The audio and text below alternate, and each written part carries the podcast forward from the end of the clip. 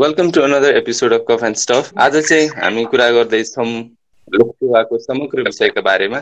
र यो विषयमा मभन्दा धेरै जानकार र यही क्षेत्रमा सक्रिय व्यक्तिहरू र यही क्षेत्रमा सक्रिय हुन चाहने आदरणीय दाई दिदीहरू पनि यस पोडकास्टमा सहभागी हुनुहुन्छ। र दाई दिदीहरूलाई चाहिँ पाले पालो आफ्नो इन्ट्रोडक्सन दिनु आग्रह गर्दछु। सबैजनालाई नमस्कार। मेरो नाम भरत खनाल। मेरो घर चाहिँ अछाम। मेरो शैक्षिक ब्याकग्राउन्ड भनेको मैले नेपाल ल क्याम्पसबाट पाँच वर्ष बिआरएलबी कोर्स गरेको छु र राजनीति शास्त्र र इतिहासमा एमए गरेको छु। हाल म नेपाल सरकारको परराष्ट्र मन्त्रालय अन्तर्गत शाखा अधिकृतको रूपमा कार्यरत छु दुई हजार एकहत्तर सालदेखि। थ्याङ्क यू सबैलाई नमस्कार। मेरो नाम सुषमा गिरी। भरत दाईको जस्तै मैले पनि नेपाल ल क्याम्पसबाट बिएलएलबी सकेको अनि मास्टर्स मैले डेभलपमेन्ट स्टडिजमा पूर्वाञ्चल युनिभर्सिटीबाट गरेको र हाल उच्च अदालत पाटनमा शाखा अधिकृतको रूपमा कार्यरत छु। हस् थ्याङ्क यू नमस्ते मेरो नाम दिपेश खनाल। म मेरो स्थायी घर चाहिँ दाङ देखुरी जिल्ला। हाल म कानुन न्याय तथा संसदीय मामिला मन्त्रालयमा शाखा अधिकृतको रूपमा कार्यरत छु। मैले बिएएलएलबी नेपाल ल क्याम्पसबाट उत्तीर्ण गरेको हो। थ्याङ्क यू नमस्ते मेरो नाम अवधुत बराल। म पनि अन्य दाई दिदीहरू जस्तै नेपाल ल क्याम्पसको ग्रेजुएट हुँ। र मैले टु थाउजन्ड नाइन्टिनमा ग्रेजुएसन कम्प्लिट गरेको थिएँ। त्यसपछि आई वाज प्रिपेरिङ फर लोकसेवा तर कोरोना भाइरसको सङ्क्रमण पछि भएको लकडाउनले गर्दाखेरि अहिले फर लोकसेवा बेसिकल्ली थ्याङ्क यू हामीलाई सबैलाई लोकसेवाको बारेमा के हदसम्म जानकारी छ? तर लोकसेवा बाहिर हामीले लोकसेवा दिएर भित्र जाने विषय सम्बन्धमा बाहिर हामीले एउटा सोचाइ राख्छौँ भने भित्र गएपछि फरक हुन सक्छ भन्ने मलाई चाहिँ आफ्नो व्यक्तिगत रूपमा लाग्छ र यस विषयमा चाहिँ मेरो जिज्ञासा पनि र अध्यय दाईको जिज्ञासा पनि रहेको छ र सुरुमा चाहिँ अध्यय दाईलाई म के सोध्छु भन्दाखेरि अध्यय दाईको लागि चाहिँ लोकसेवा पर्सनली सेवाको बारेमा अध्ययको आफ्नो सो म अब एसपिरेन्ट भएको कारणले गर्दाखेरि आई आई भ्यू लोकसेवा चाहिँ एकदम आइडियलिस्ट तरिकाले होइन। I feel that they are लोकसेवक भन्ने बित्तिकै मलाई चाहिँ के दिमागमा आउँछ भन्दाखेरि they serve the people public servant अनि त्यसपछि they get a lot of respect without them the government would not run plus अब मैले यो दौरानमा पढेको कुरा सबै समेटेर भन्नु पर्दाखेरि आई फिल द्याट लोकसेवामा संलग्न व्यक्तिहरू चाहिँ पब्लिक हिरो मेरो पर्सेप्सन अहिले यस्तो छ। अब लोकसेवामा आबद्ध हुनुभएको दाइ दिदीहरूले के भन्नुहुन्छ? ब्युरोक्रेसी भनेको चाहिँ सरकारको स्थायी अङ्ग हो होइन?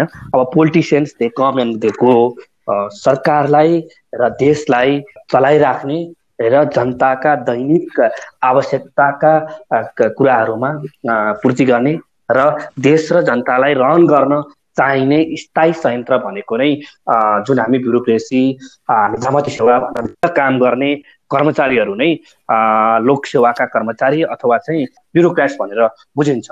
हामीले बुझ्ने भनेको चाहिँ लोकसेवा आयोगबाट पास गरेर आएका लोकसेवाका कर्मचारीहरू हुन् भने विभिन्न संस्थान अर्ध सरकारी काम गर्न आउने राष्ट्र सेवा कर्मचारी उनीहरू नियम र स्थायी सरकारमा काम गर्ने कर्मचारीहरू नै लोकसेवाका कर्मचारीहरू हुन् र सरकारले सरकारका दैनिक आवश्यकताहरू जनताका माझ पुर्याउने र जनताका आवश्यकता पुरा गर्ने कर्मचारीहरू नै लोकसेवाका कर्मचारीहरू हुन् होइन? अनि यसमा के हुन्छ भने यो फिक्स टेनर हुन्छ। धेरै जस्तो देशहरूमा चाहिँ के पनि गरे हुन्छ भने आर्मी लगायत अन्य सेवालाई सेवाहरूलाई पनि निजामती सेवा अन्तर्गत राख्ने गरिएको छ भने हाम्रोमा चाहिँ निजामती सेवा र सेक्युरिटी फोर्सेसहरूलाई र अन्य जस्तै संस्थानहरूका कर्मचारीहरूलाई चाहिँ छुट्याएर हेर्ने गरिएको छ। पहिला यति नै भने मैले। मैले भन्नुपर्दा चाहिँ मलाई ठ्याक्क लोकसेवा भन्ने बित्तिकै मेरो दिमागमा चाहिँ के आउँछ भन्दा सरकारको तिनवटा अङ्ग न्यायपालिका कार्यपालिका अनि व्यवस्थापिकामा चाहिँ एक्जिक्युटिभ कार्यपालिका चाहिँ त्यो ठ्याक्क दिमागमा आउँदाखेरि चाहिँ मेन ब्युरोक्रेसी चाहिँ एक्जिक्युटिभ नट दो इक्वालेन्ट तर समहाउ इक्वालेन्ट टु ब्युरोक्रेसीको त्यो कर्मचारीहरू जस्तो लाग्छ मलाई। ठ्याक्कै हुन्छ नि ठ्याक्कै डे टु डे फङ्सनिङ गर्ने त्यहाँबाट अघि भरत भने जस्तो चाहिँ जनताको के चाहिँ छ निड्स एन्ड सर्भिस चाहिँ प्रोभाइड गर्नको लागि चाहिँ जो कर्मठ भएर बसेको हुन्छ अगाडि ऊ चाहिँ अब जाने एउटा माध्यम हो। लोकसेवा चाहिँ त्यसरी सेवा जनतालाई सेवा दिनको लागि जाने एउटा माध्यम हो। त्यसको त्यो त्यहाँको परीक्षा पास गरेर अनि त्यस पछाडि चाहिँ जान पाउँछ भने लोकसेवा चाहिँ एउटा माध्यम भयो। अनि त्यसबाट जाने मान्छेहरूले चाहिँ त्यही हो सेवा दिन्छ। त्यही मेन चाहिँ अब जनताको चाहिँ जति पनि निड्सहरू हुन्छ जति पनि सरकारले अल्टिमेट गार्जेनको रूपमा जे पनि गर्छु भन्छ त्यसको ठ्याक्क कार्यान्वयन चाहिँ कसले गर्छ भन्दाखेरि त्यही हो। लोकसेवाबाट पास गरेर आएको कर्मचारीले गर्छ। अनि अघि अद्वैतले भनेको जस्तै समहाउ एकदम अब एकदम जिम्मेवारी भएको त्यहाँबाट प्रेस्टिज भएको आइडियलिस्टिक भनेर भनेको थियो होइन? त्यो पनि कता न कता चाहिँ हो जस्तो लाग्छ किन भन्दाखेरि एउटा खाले जिम्मेवारी वहन गरेर भित्र छिरेको हुन्छ नि त। अनि त्यही हो अब जिम्मेवारी लिएर अनि त्यस पछाडि लोकसेवाको परीक्षा अघि दादाले भने जस्तै अब संस्थानदेखि लिएर सिक्युरिटी फोर्सेस पुलिस आर्मी सबै लगायत जो जनताको लागि चाहिँ जनताको सेवा गर्नको लागि आएको हुन् भन्ने चाहिँ मेरो विचार हो। मलाई चाहिँ के लाग्छ भने ब्युरोक्रेसी भनेको चाहिँ अब लेम्यान टर्म्समा चाहिँ they are non elected people in government होइन? एउटा स्थायी सरकारको रूपमा दे रिप्रेजेन्ट अनि एउटा सरकारलाई पनि स्केलेटन प्रदान गर्ने एउटा फ्रेमवर्क प्रदान गर्ने त्यसपछि राज्यका पोलिसिसहरूलाई फर्दरेन्स गर्ने एउटा चाहिँ एउटा समूह चाहिँ ब्युरोक्रेसी हो अथवा लोकसेवा मार्फतबाट गएका कर्मचारी हुन् भन् भन्ने ठान्छु म। र यो लोकसेवा भन्दाखेरि चाहिँ हाम्रो दिमागमा विशेष गरी कस्तो आउँछ भने हाम्रो सोसाइटीमा like it's ten to five चाहिँ एकदमै नोबल जागिर हो भन्ने हिसाबले पनि लिन्छन्। धेरै चाहिँ अब लोकसेवाका एसपिरेन्टहरूले पनि it's a it's a noble job अनि टेन टु फाइभको जब भनेर चाहिँ हामी लिन्छौँ होइन? एउटा स्टेबिलिटीको रूपमा लिन्छौँ। तर त्योभन्दा पनि इट्स मोर लाइक एउटा जागिरको रूपमा चाहिँ लिनु हुँदैन जस्तो लाग्छ मलाई। It's like service to your nation जति टाइम तपाईँले व्यतीत गर्नुहुन्छ इट्स नामै लोकसेवा छ होइन। त्यही भएर इट्स सर्भिस ओरिएन्टेड प्रोफेसन भन्छु म। इट्स नट एउटा फकत जागिर चाहिँ सम्झिनु हुँदैन भन्ने चाहिँ मलाई लाग्छ। त्यही भएर जो चाहिँ यहाँ जागिर खाने भनेर आउनुहुन्छ उहाँहरूलाई चाहिँ आई विल डिस्करेज देम होइन। जागिर चाहिँ खाने ठाउँ होइन। इट्स सर्भिस डेलिभरी गर्ने ठाउँ हो। र स्टेबिलिटी भन्ने कुरा जुन छ लोकसेवामा यो यो पनि एउटा मिथै जस्तो लाग्छ मलाई। सो यदि स्टेबिलिटीको लागि आउने हो भने चाहिँ it's not a good platform अथवा ठाउँ so it's more like service than job अब यो निजामती सेवा मार्फत देशको सेवा गर्छु भनेर आउने व्यक्तिहरूलाई चाहिँ यो तपाईँको तपाईँहरूको विचारमा चाहिँ स्नातक सकिने बेलासम्म एउटा माइन्ड मेकअप भइसक्या हुन्छ कि हुँदैन? जस्तै अब यो म चाहिँ देशकै सेवा गर्छु भनेर मान्छेले सक्या हुने हो कि समय परिस्थिति अनुसार चाहिँ त्यो विकसित हुँदै गएर म चाहिँ देशको सेवामा लाग्छु भन्ने चाहिँ मान्छेलाई लाग्ने हो कि एउटा प्रश्न त्यो भयो। अनि अर्को चाहिँ त्यो प्रश्नले चाहिँ पछि तयारी गर्दाखेरि चाहिँ तयारीमा चाहिँ कतिको मेहनत गर्नुपर्छ भन्ने पनि यसो सुनाउनुहोस् दाई दिदीहरू। जब प्लस टू पास गरिसकेपछि ब्याचलर अध्ययनको सन्दर्भमा मैले भविष्यमा के गर्ने where to I want to go जस्तै ल पढिसकेपछि प्राइभेट वकिल भएर काम गर्ने कि निजामती सेवामा आउने कि अथवा चाहिँ अन्य सेक्टरमा जाने भन्ने कुरा चाहिँ पहिला चाहिँ आफैले एकदम माइन्ड मेकअप आफूले एकदम क्लियर हुनु पर्यो where do I want to want to go होइन?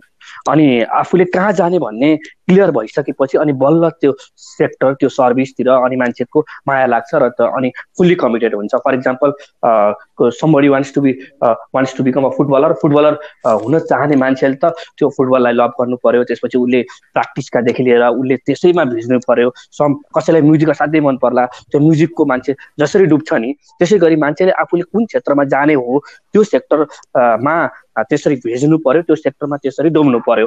जस्तै अब प्लस टू पछि जब ब्याचलरको अध्ययन गरिन्छ त्यसपछि जब म निजामती सेवामा जाने हो भनिसकेपछि तयारीको सन्दर्भमा पनि केही सिलेबसले केही कुराहरू चाहिँ कभर गरेको छ तर हाम्रो हाम्रा सिलेबसहरू स्टिल ट्रेडिसनल टाइपका छन्। पछि गएर सर्भिसमा के काम गर्ने कसरी गर्ने भन्ने कुराहरू चाहिँ धेरै कुराहरू चाहिँ इन्कर्पोरेट गर्दैनन्। हाम्रो सिलेबस चाहिँ विशेष बेसिकली चाहिँ सिलेक्ट ओरिएन्टेड सिलेक्सन हामीले कसरी सिलेक्ट गर्ने के गर्ने भन्ने चाहिँ कुराहरूमा अलिकति एकाडेमिक बढी फोकस छ। तथा त्यही तथापि निजामती सेवामा के गर्नुपर्ने कस्तो गर्नुपर्ने भन्ने ऐनहरू नियमहरू विभिन्न सन्दर्भमा चाहिँ अध्ययनको सिलसिलामा त्यो गर्नुपर्छ। र जब मान्छेले छिरिसकेपछि त्यसपछि डिफ्रेन्ट काइन्ड्स अफ ट्रेनिङ जस्तै स्टार्टिङ ट्रेनिङहरू हुन्छ होइन? जस्तै एडमिनिस्ट्रेसनमा basis base basic administrative training भन्ने ब्याट पर्ने हुन्छ। त्यस पछाडि विभिन्न ट्रेनिङ एक्सपिरियन्स त्यस पछाडि अनुभव वर्ष मान्छे जब बिस्तारै चाहिँ सेवा एक वर्ष दुई वर्ष चार वर्ष पाँच वर्ष हुँदै जाँदाखेरि त्यो सेवाप्रति ल मेरो भविष्य म यसैमा चाहिँ आई वान्ट टु कन्टिन्यू र यसैमा चाहिँ I want to serve the nation यसैमा चाहिँ my future is in this र I want to do something for my nation र मैले केही न केही जनतालाई सेवा दिनुपर्छ भन्ने जब मान्छेमा फिलि फिलिङ आउँछ यो अल अफ सडन एक्कासी जस्तै लोकसेवा दिनुभन्दा अगाडि लोकसेवा दिने बेलामा एक्कासी विकसित हुने कुरा कुरा होइन। It slowly and gradually is it develops and मान्छे मेच्योर हुँदै गर्दा सर्भिसमा चाहिँ अगाडि जाँदै गर्दाखेरि चाहिँ यो बिस्तारै डेभलप हुने कुरा हो। जस्तो कसैलाई चाहिँ लेटली रियलाइज हुन नै सक्छ होइन? कि म लोकसेवा नै दिन्छु अथवा यो चाहिँ खास इन्डिभिजुअल ऊ हो कि जस्तो लाग्यो मलाई चाहिँ। भन्नाले यति नै जस्तो प्लस टू पढ्दा पढ्दै मेरो हकमा चाहिँ मैले प्लस टू साइन्समा गरेँ होइन। अब मैले साइन्स पढिरहँदा चाहिँ मैले कहिले पनि यतातिर जस्तो ल नै जोइन गर्छु भन्ने पनि एउटा फिगर आउट गरेको थिइनँ भनौँ न। अनि त्यही भएर त्यति बेला नै करियर अब मैले लोकसेवा नै गर्छु भन्ने चाहिँ फिलिङ्स आएको थिएन। तर कस्तो खाले फिलिङ्स चाहिँ आएको थियो भन्दाखेरि मैले जति बेला सरकारी कार्यालयमा सेवा लिन जाँदाखेरि जति जति बाधा अड्चन भोग्नु पर्या हुन्छ नि? अनि म चाहिँ त्यो ठाउँमा भएको भइदियो म सक्दो सहज गर्थेँ होला भन्ने एउटा एउटा त्यो फ्याक्टरले चाहिँ ड्राइभ गरेको मलाई चाहिँ भनौँ न। मेरो प्लस टूको रिजल्ट बिग्रेर म मार्कसिट करेक्ट करेक्सनको लागि जाँदाखेरि मैले एकदमै दुःख पाएको थिएँ क्या। अनि त्यस्तो चाहिँ भएको हो। अनि अर्को कुरा चाहिँ जस्तो जति बेला आफूले लोकसेवा दिन्छु भनेर सोचिन्छ नि एउटा डिसिजन त एउटा कुनै न कुनै पोइन्ट अफ टाइममा त बनाइन्छ नि त होइन? त्यो डिसिजन लिइसके पछाडि जस्तो प्लस टूमै लिनुपर्छ यो डिसिजन अथवा ब्याचलरको इनिसियल इयर्समै लिनुपर्छ भन्ने एउटा त्यस्तो युनिभर्सल पोइन्ट चाहिँ छैन मेरो विचारमा। तर जति बेला चाहिँ कसैले डिसिजन लिन्छ कि म लोकसेवा दिन्छु त्यस पछाडि चाहिँ कन्जुसै नगरिकन दिनुपर्छ जस्तो लाग्छ। जति दिन्छु दिएर ट्राई गरौँ भन्ने तरिकाले चाहिँ दिने होइन होइन? दिइसकेपछि चाहिँ हन्ड्रेड पर्सेन्ट दिने क्या जस्तो त्यो अब दिन्छु भनिसकेपछि आफ्नो चाहिँ पुरै लगाउनु पऱ्यो क्या त्यो डेडिकेसन जुन हुन्छ नि। अनि अघि दादाले भन्छ थियो जस्तो हाम्रो यो क्वेसन चाहिँ सिलेबस चाहिँ सेलेक्सन ओरिएन्टेड छ। त्यो मान्छेलाई धेरै त्यसमा धेरै भिजाउन नसक्ला भन्ने टाइपको गरी होइन? त्यही हो। अब केले चाहिँ पछि पछिसम्म उ गर्छ भन्दाखेरि चाहिँ मैले चाहिँ अघि न दिपेशले पनि भनेको जस्तो म यहाँ जागिर खान चाहिँ आएको होइन? म सेवा दिन आएको हो। अब सेवा कुन ढङ्गले कसरी चाहिँ सहजीकरण गरेर दिन सक्छु? अथवा कति राम्रो सेवा कसरी चाहिँ दिन सक्छु? कसरी छिटो सेवा दिन सक्छु? यस्तो यस्तो माइन्ड चाहिँ क्रिएटिभिटीको लागि यस्तो यस्तो कुरातिर चाहिँ अलिकति दियो भने चाहिँ आफूले चाहिँ एकदम आफूले केही गरिरहेको छु भन्ने फिलिङ्स आउँछ नि त अनि यसले चाहिँ ड्राइभिङ फ्याक्टर चाहिँ यो हुन्छ क्या पछि काम गर्नको लागि। पढिरहँदाखेरि चाहिँ मैले किन पढिरहेको छु भन्दा म भोलि देशमा सेवा गर्छु भन्ने फ्याक्टरले ड्राइभ गर्यो भने it will count more than म भोलि जागिर खान्छु भन्ने फ्याक्टरले क्या मलाई सरकारी जागिर खानु छ भन्ने फ्याक्टर भन्दा पनि म चाहिँ भोलि एउटा कुनै त्यस्तो पदमा पुग्छु जुन पदमा बसेर मैले केही गरेको निर्णयले गर्दाखेरि चाहिँ सर्टेन मासको एउटा मान्छेलाई चाहिँ त्यसले इम्प्याक्ट पार्छ होइन? भनिसकेपछि त मैले मेरो निर्णयले कसैलाई इम्प्याक्ट पार्छ भने चाहिँ मैले राम्रो निर्णय गर्नुपर्छ। त्यो राम्रो निर्णय कसरी हुन्छ भन्दा जति धेरै अध्ययन अनुसन्धान हुन्छ जति धेरै खोज हुन्छ त्यसरीले नै राम्रो निर्णय गर्न सहयोग पुर्याउँछ नि त। सो यो तयारीमा पनि त्यस्तो खाले फ्याक्टर राख्यो भने चाहिँ अझ अझ धेरै बुस्टअप गर्छ पढ्नको लागि जस्तो लाग्छ मलाई चाहिँ। यो मलाई चाहिँ कुनै पनि एउटा स्पेसिफिक एजुकेसनल क्वालिफिकेसन अथवा एज लागु हुन्छ निजामती सेवा अथवा लोकसेवामा छिर्नलाई भन्ने मलाई लाग्दैन। तपाईँलाई जुन बेला चाहिँ म लोकसेवा इक्जाम दिएर म चाहिँ देशको चाहिँ सर्भिस गर्छु एउटा कि जुन पोइन्टमा तपाईँलाई चाहिँ लोकसेवा छिर्छु भन्ने लाग्छ जुन बेला चाहिँ म राष्ट्रका लागि सर्भिस गर्नका लागि जानुपर्छ भन्ने लाग्छ त्यो त्यो बिन्दु नै प्रवेश बिन्दु नै तपाईँको एउटा चाहिँ लोकसेवा छिर्ने चाहिँ एउटा डिसाइसिभ फ्याक्टर हो जस्तो लाग्छ मलाई। र कुनै पनि एज बार अथवा क्वालिफिकेसन एउटा चाहिँ त्यसको चाहिँ मापन गर्ने लोकसेवा छिर्ने मापन गर्ने चाहिँ त्यो प्यारामिटर चाहिँ नहुन सक्छ जस्तो लाग्छ। र प्लस टू पछि छिर्दा र ब्याचलर पछि छिर्दाखेरि चाहिँ भिन्नताहरू पनि रहन्छन्। जस्तो तपाईँ प्लस टू पछि चाहिँ लोकसेवामा छिर्नुभयो भने एउटा डिसाइसिभ रोल अफ गभर्मेन्टमा तपाईँ नपुग्न सक्नुहुन्छ होइन? एउटा एक्सपर्टाइज एक्सपर्टिजम पनि नहुन सक्छ तपाईँसँग। जति चाहिँ ब्याचलर पछि तपाईँसँग त्यो सुविधा हुन्छ ब्याचलर इक्जाम दिएपछि अथवा पास गरेपछि एउटा जिम्मेवार पदमा पुगिन्छ। त्यति चाहिँ प्लस टू पछि नपुगिने भएको हुनाले त्यो पनि एउटा फ्याक्ट प्यारामिटर हुनसक्छ। तर मैले फेरि पनि दोहोऱ्याएँ जुन बिन्दुमा तपाईँलाई अथवा प्लस टू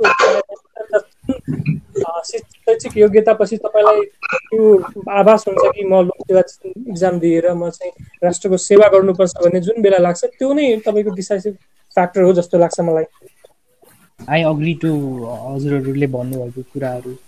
एउटा कुरा चाहिँ म के भन्न चाहन्छु भन्दाखेरि यस म चाहिँ यु नो लाइक सानैदेखि चाहिँ I felt like I must assist the country in one way or the other म चाहिँ कुनै न कुनै किसिमले चाहिँ देशको लागि सेवा गर्छु भन्ने मनसायक थियो मेरो चाहिँ त्यसपछि गएर पछि बिस्तारै ग्रोथसँगै अब के गर्न सकिन्छ त भन्ने बारेमा पनि सोचिँदै गयो। अनि त्यसपछि अनेस्टली स्पिकिङ लोकसेवा भनेको एउटा यस्तो सेक्टर थियो जुनमा चाहिँ डाइरेक्टली असिस्ट गर्न सकिन्थ्यो कन्ट्रीको गभर्नेन्सलाई plus it paid for what you did क्या? त्यसले पनि अट्र्याक्टिङ फ्याक्टर भएको मलाई चाहिँ. अनि मेरो केसमा चाहिँ what what I feel is Dipesh दाईले अघि भन्नुभएको जस्तै एज त हुँदैन। तर पनि सोच्न चाहिँ के सोचमा आएको छ अथवा के सोचेँ मैले भन्दाखेरि इफ आई इन्टर के गरिकन आई सक्सिड इन इन्टरिङ लोकसेवा अहिले निजामती सेवामा प्रवेश गरेँ भने द्याट वुड पे अफ पछि गएर किन भन्दाखेरि since I am in my mid twenties अब हुन्छ नि अहिलेको अनुसार फिफ्टी एट इयर्स भएपछि वृत्ति विकास अनि त्यसपछि प्रमोसनको कुराहरू पनि सोचिने भयो।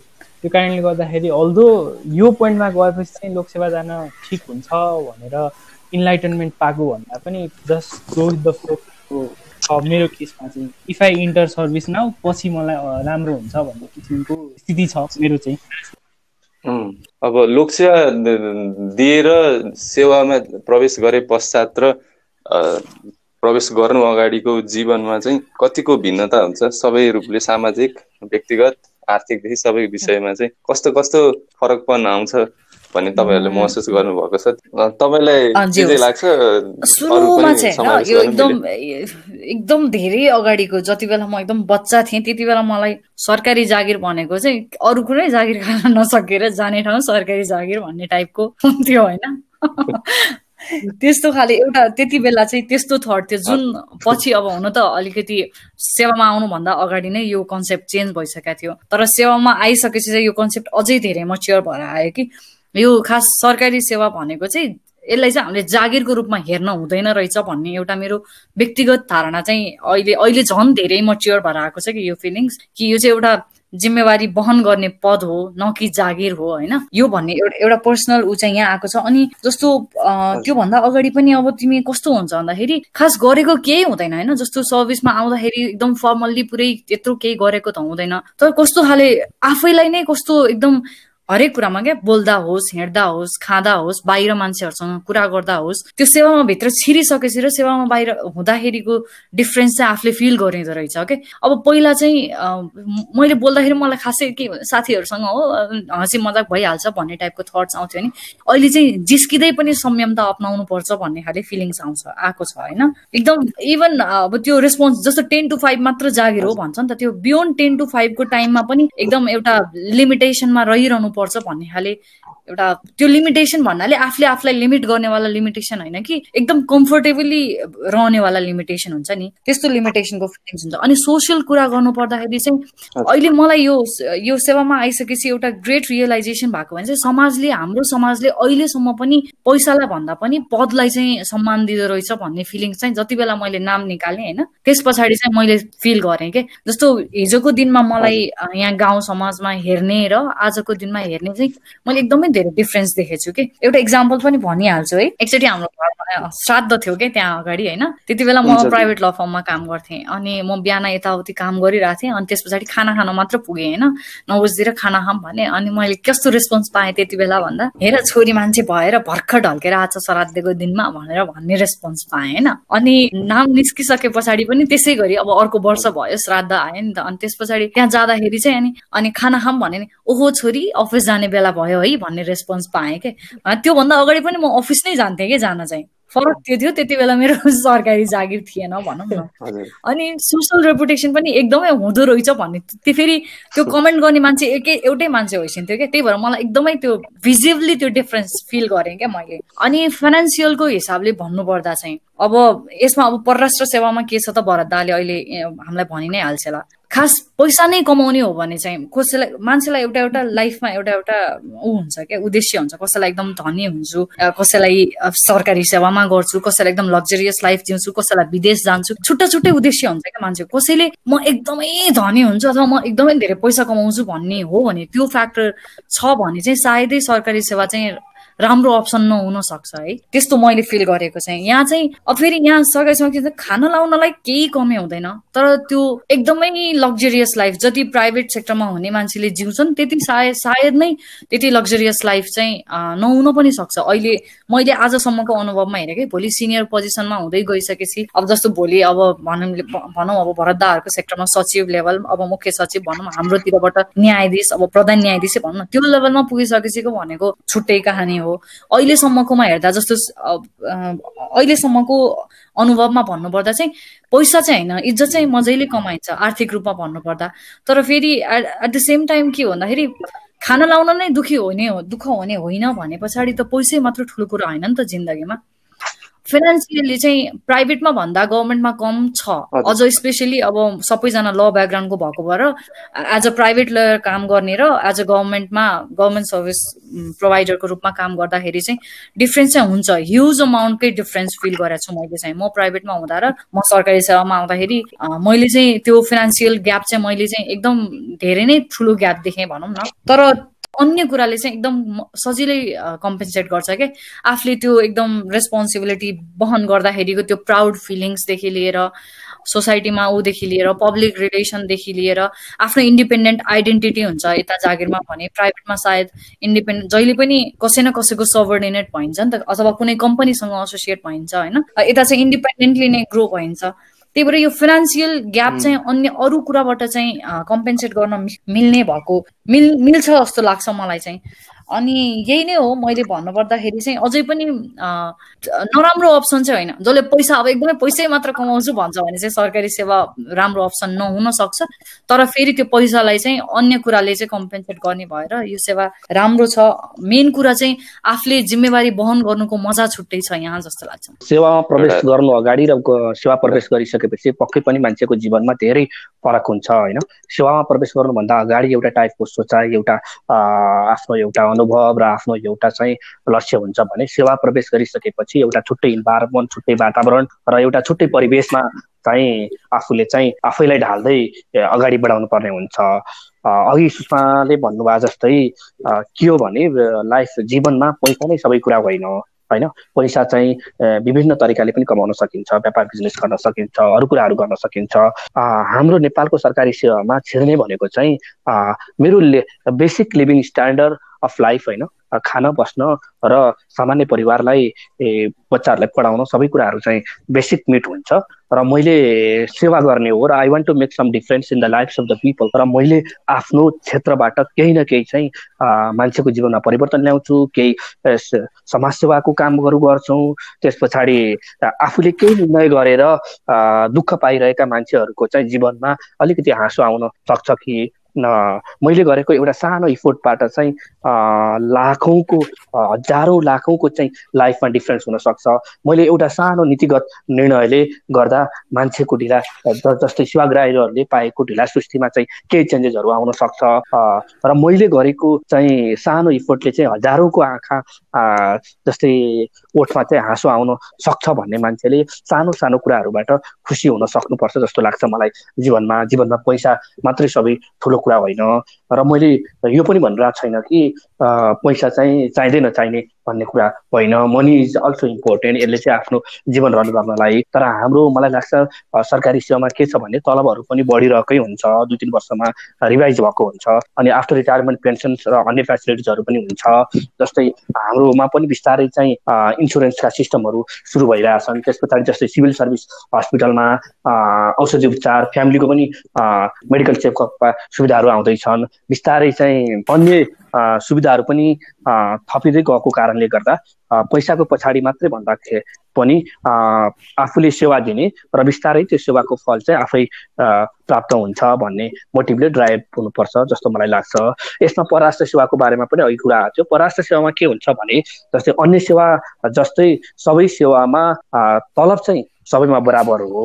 परराष्ट्र सेवामा चाहिँ आफू देशभित्र काठमाडौँभित्र हुँदाखेरि अथवा नेपालभित्र हुँदाखेरि अन्य सबै सेवा बराबर हो होइन? परराष्ट्रभन्दा बाहिर चाहिँ जस्तै विदेश स्थित विभिन्न नियोगहरू दूतावासहरू वाणिज्य दूतावासहरू त्यसमा पोस्टिङ हुँदाखेरि के त्यही अनुसारको आफ्नो जस्तै खान बस्न र अन्य एक्सपेन्सेसहरू चाहिँ धेरै हुने भएको कारणले गर्दा त्यसमा भत्ता चाहिँ एडिसनल हुन्छ। त्यो चाहिँ विदेश बस्दाखेरि मात्रै हो तर हेडक्वार्टर काठमाडौँ बस्दाखेरि चाहिँ अन्य सबै सेवाको हकको रूपमा बराबर हुन्छ। र बेसिकल्ली सरकारले भत्ताहरू चाहिँ राम्रै दिने भएको कारणले गर्दाखेरि चाहिँ आफ्नो बेसिक चाहिँ नेसेसिटिजहरू मिट हुन्छ. अब बेसिक नेसेसिटिज मिट भइसके पछाडि आफूले केही सेभिङ गर्न पनि सकिन्छ। त्यसैले चाहिँ परराष्ट्र सेवामा चाहिँ अन्य सेवाको भन्दा पैसा चाहिँ राम्रै हुन्छ भन्ने जुन आम जनमानसमा छ त्यो कुरा सत्य नै हो। र त्यति हाई एक्सेसिभली हाई त हुँदैन। विदेशमा बस्दाखेरि चाहिँ धेरै कुराहरूको खर्च हुन्छ।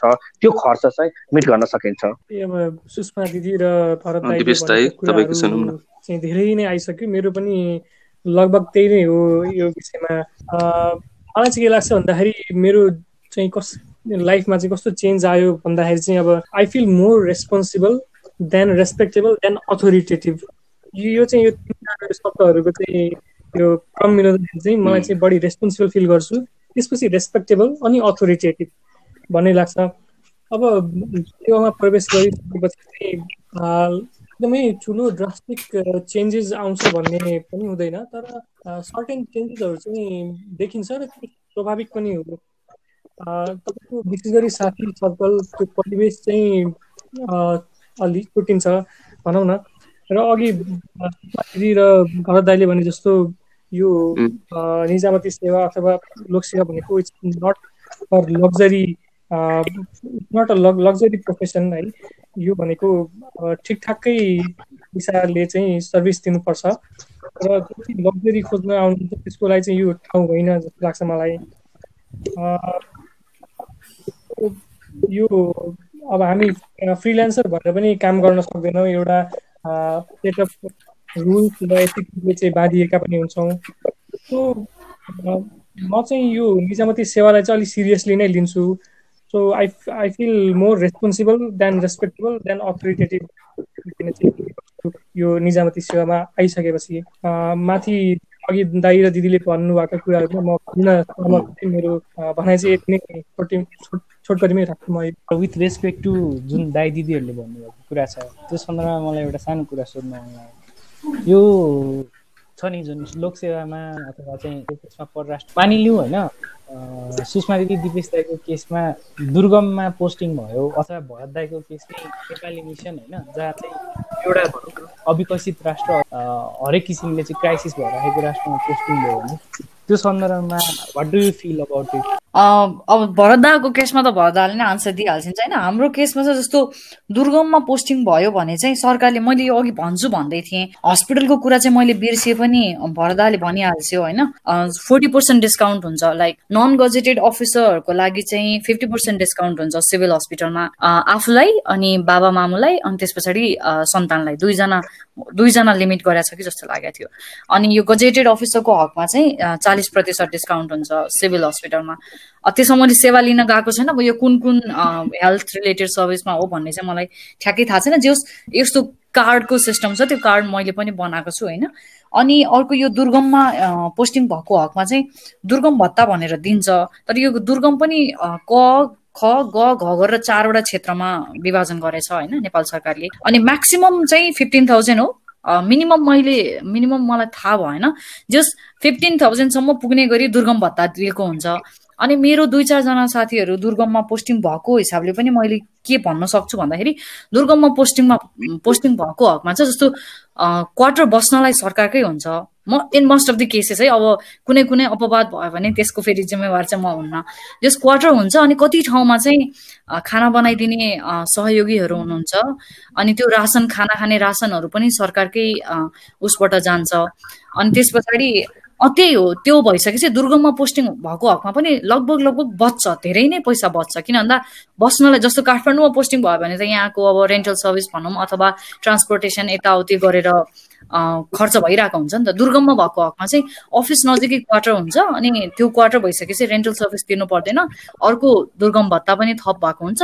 प्लस ठाउँ हेरी हेरी कतिमा चाहिँ खाना बनाइदिने रासन दिने यस्तो अफिसहरू हेरी हेरी त्यो पनि हुन्छ। त्यही भएर दुर्गममा पनि अब त्यो दुर्गममा पोस्टिङ भयो भन्दैमा त्यति धेरै गाह्रो हुँदैन। अनि त्यहाँबाट फेरि काठमाडौँ आएको केसमा कस्तो हुन्छ भन्दाखेरि कामको हिसाबमा आएको रहेछ नि। ट्राभलिङ अलाउन्सहरू सबै दिएको हुन्छ। त्यही त्यही भएर त्यति धेरै गाह्रो हुँदैन। त्यही सुरुमा मैले भनेको जस्तो खाना लाउन कुनै पनि कन्डिसनमा गाह्रो हुँदैन तर बियोन्ड त्यो लिमिटेसन जान धेरै बियो बियोन्ड पनि एक्सेसिभली बियोन्ड गएर सोच्न चाहिँ अलिकति कठिनाइ चाहिँ हुनसक्छ। ओके फाइन जस्तै परराष्ट्र सेवाको हकमा चाहिँ के छ भने परराष्ट्र सेवामा पहिला चाहिँ काठमाडौँमा चाहिँ हाम्रो मन्त्रालय र दुईटा विभागहरू थिए र अहिले देश संहितामा गइसकेपछि चाहिँ हाम्रो प्रत्येक प्रदेशमा चाहिँ एउटा अफिसरको दरबन्दी छ होइन? अनि विदेश स्थित हाम्रो थर्टी नाइनवटा मिसनहरू छन्। हाम्रो मैले अघि नै भनिसकेँ तलब हाम्रो सबैको छ काठमाडौँभित्र र बाहिर हुँदा तलब एउटै हो र विदेश हुँदाखेरि मात्रै भत्ता फरक हुने गर्छ। भत्ता चाहिँ कसरी गरिएको छ भने देशको एक्सपेन्सेस अनुसार जस्तै न्युयोर्क र फर इक्जाम्पल न्युयोर्क र टोकियो र लन्डनमा जति एक्सपिरियन्स हुनुहुन्छ त्यति चाहिँ ढाका इस्लामाबाद र न्यु दिल्लीमा नहुन सक्छ। र त्यो देशको चाहिँ एक्सपेन्सेस अनुसार चाहिँ त्यो हाम्रो भत्ताहरू निर्धारण गरेको हुन्छ। र अघि क्वेसनमा भन्न खोजिएको कुरा चाहिँ जस्तै गाह्रो ठाउँमा जस्तै अन्य निजामती सेवामा चाहिँ दुर्गममा चाहिँ जाँदाखेरि यो चाहिँ हार्ड पोस्टिङ यो ठाउँमा गइसकेपछि चाहिँ यसमा चाहिँ अलिकति भत्ता जुन थप हुने गर्छ नि परराष्ट्र सेवामा चाहिँ गाह्रो ठाउँमा चाहिँ त्यस्तो भत्ता चाहिँ छैन होइन। जुन हुनुपर्ने थियो जस्तै हाम्रो गाह्रो मिडल इस्टका खाडीका देशहरूमा चाहिँ जहाँ चाहिँ श्रमिकहरू अत्याधिक हुन्छन् र त्यसमा चाहिँ विभिन्न वातावरणदेखि लिएर अन्य धेरै समस्याहरू हुने गर्छन्। त्यसमा चाहिँ गाह्रो ठाउँमा चाहिँ एक्सपेन्सेसहरू अलिकति भत्ता चाहिँ बढी हुनुपर्छ जुन भन्ने कुरा छ। परराष्ट्रमा चाहिँ त्यो अनुसार चाहिँ भएको छैन र आगामी दिनमा चाहिँ यो चाहिँ एउटा करेक्सनको पाटो हुनुपर्छ जस्तो मलाई लाग्छ। फर इक्जाम्पल जस्तै खाडीको राष्ट्रहरूमा के हुन्छ भने अत्यधिक वर्कलोड हुन्छ र त्यसमा चाहिँ इन्भाइरोमेन्ट लगायत विभिन्न कारणले गर्दाखेरि चाहिँ काम गर्न गाह्रो हुन्छ। त्यो हुँदाखेरि चाहिँ भत्ता चाहिँ परराष्ट्रमा कसरी निर्धारण गरेको छ भने सम्बन्धित देशको चाहिँ एक्सपेन्सेस अनुसार त्यसरी गरिएको छ जुन हार्ड पोस्टिङको अनुसार चाहिँ गरिएको छैन। हार्ड पोस्टिङ जस्तै अन्य निजामती सेवामा दुर्गम जिल्लाहरूलाई हार्ड पोस्टिङ मानिन्छ भने परराष्ट्र सेवामा चाहिँ जहाँ चाहिँ एक्सेसिभ वर्कलोड इन्भाइरोमेन्टली एकदमै गाह्रो त्यस्ता ठाउँहरूमा चाहिँ हामीले हार्ड पोस्टिङ मान्ने गरेका छौँ। जस्तै म चाहिँ अहिले साउदी अरबको रियादमा कार्यरत छु र हाम्रो परराष्ट्रमा साउदी अरबको रियादलाई चाहिँ सबैभन्दा चाहिँ गाह्रो पोस्टिङ मानिन्छ विभिन्न हिसाबले होइन? त्यसमा चाहिँ जस्तै भत्ता चाहिँ के छ भने यसमा चाहिँ अन्य खाडीको देशको बराबरै छ। यसमा हार्ड पोस्टिङ भनेर चाहिँ छुट्टै भत्ता परराष्ट्रमा छैन।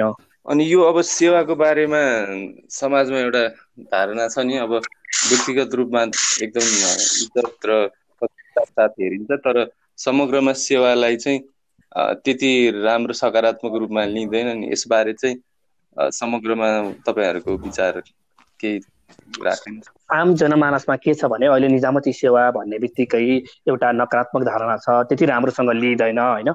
कतिपय अवस्थामा त हामीले कतिपय अवस्थामा त हामीलाई यो निजामती सेवाको ड्रेस लगाएर बाहिर निस्कन नै अप्ठ्यारो हुन्छ जस्तै गाडीमा चाहिँ चढ्दाखेरि पनि सरकारी लुगा लगाएर हिँड्दाखेरि चाहिँ हामीलाई कतिपय अवस्थामा केही वर्ष अगाडि त्यो लुगाउनु पर्ने अवस्था थियो कि होइन?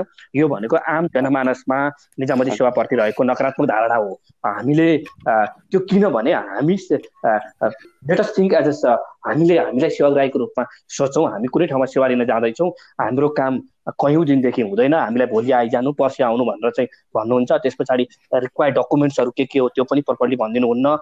त्यसपछि विभिन्न ढिला सुस्तीका कारणले गर्दा आम जनमानसमा परेको नकारात्मक धारणाले गर्दाखेरि चाहिँ यो यस्तो भएको एउटा कुरा यो हो भने अर्को कुरा के हो भने use of social media technology र विभिन्न प्राइभेट सेक्टर्समा भएका सेवा ग्राहीका विभिन्न चाहिँ जुन मिटहरू हुन्छ फर इक्जाम्पल हामी सेवा लिन नबिल ब्याङ्कमा जाउँ र राष्ट्रिय वाणिज्य ब्याङ्कमा जाउँ।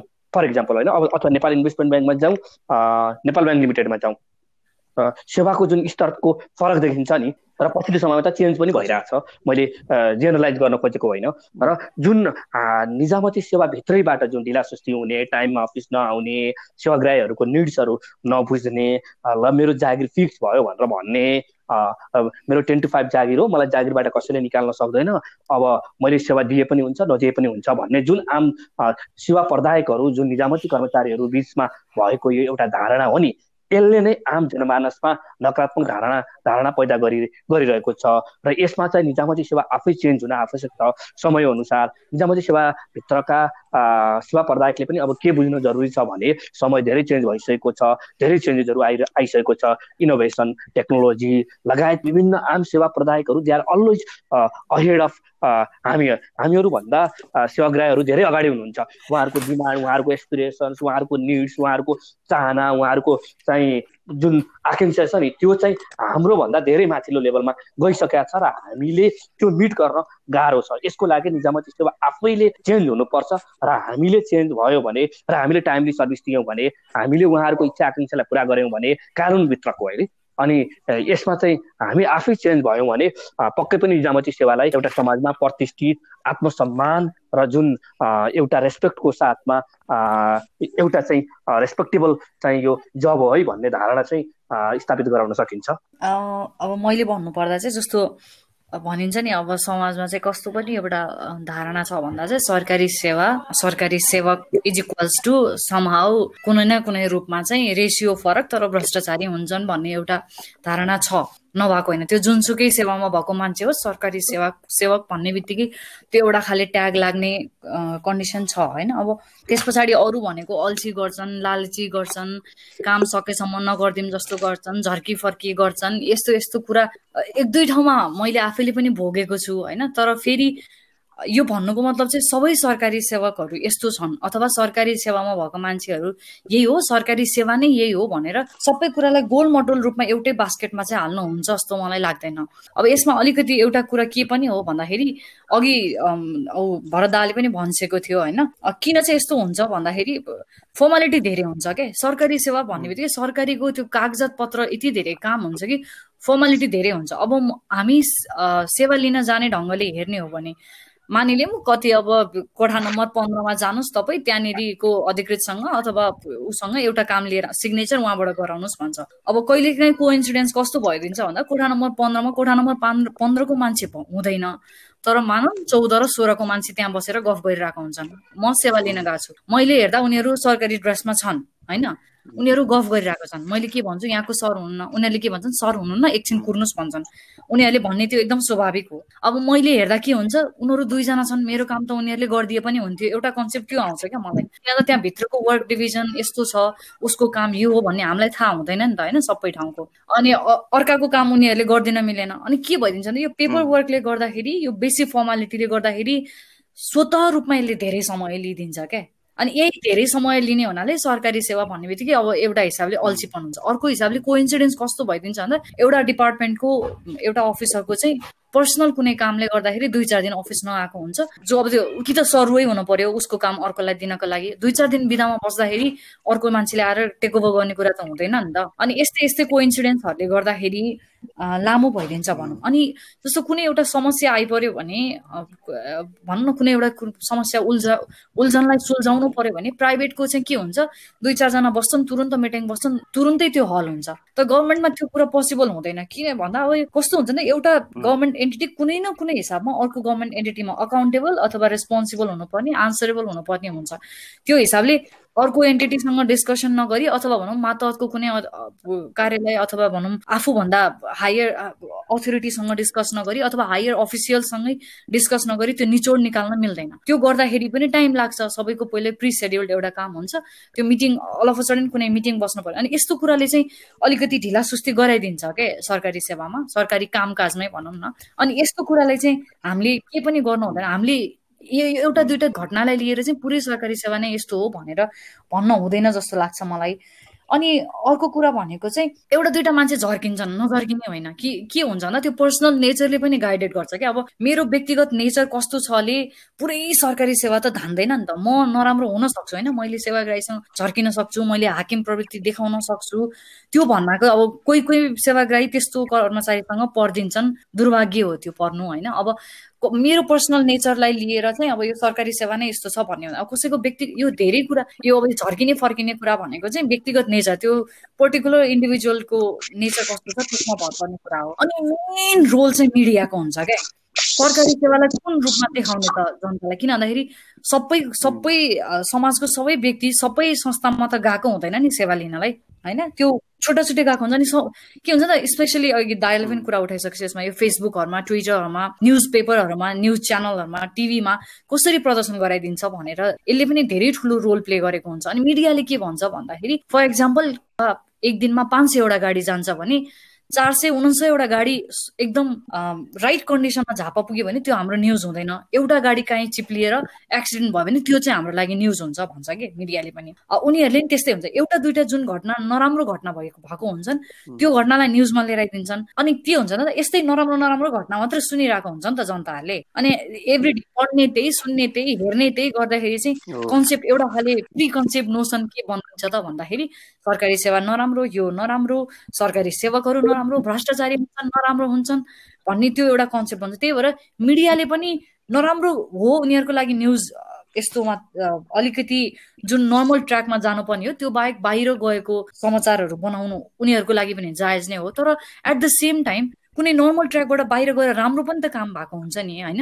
त्यस्तो कुरालाई पनि मिडियाले लिएर आइदियो भने जस्तो अहिले कुलमान घिसिङको हकमा हेरौँ न त्यो त एकदम रिमार्केबल एकदम एक्जाम्पलरी कुरा भयो नि त। त्यसै गरी मिडियाले अन्य सेक्टरको पनि त्यस्तो त्यस्तो राम्रो कुराहरू लिएर आइदियो भने चाहिँ ब्यालेन्स हुन्छ क्या त्यो राम्रो समाचार नराम्रो समाचार ब्यालेन्स भइसकेपछि चाहिँ मान्छेले सोच्ने पनि त्यसमा अलिकति सिधै जजमेन्टल नभएर आफ्नै पनि सेन्सिबिलिटी लगाएर आफ्नै पनि सेन्स लगाएर चाहिँ अनि सोध्छन् जस्तो लाग्छ त्यही भएर यही हो।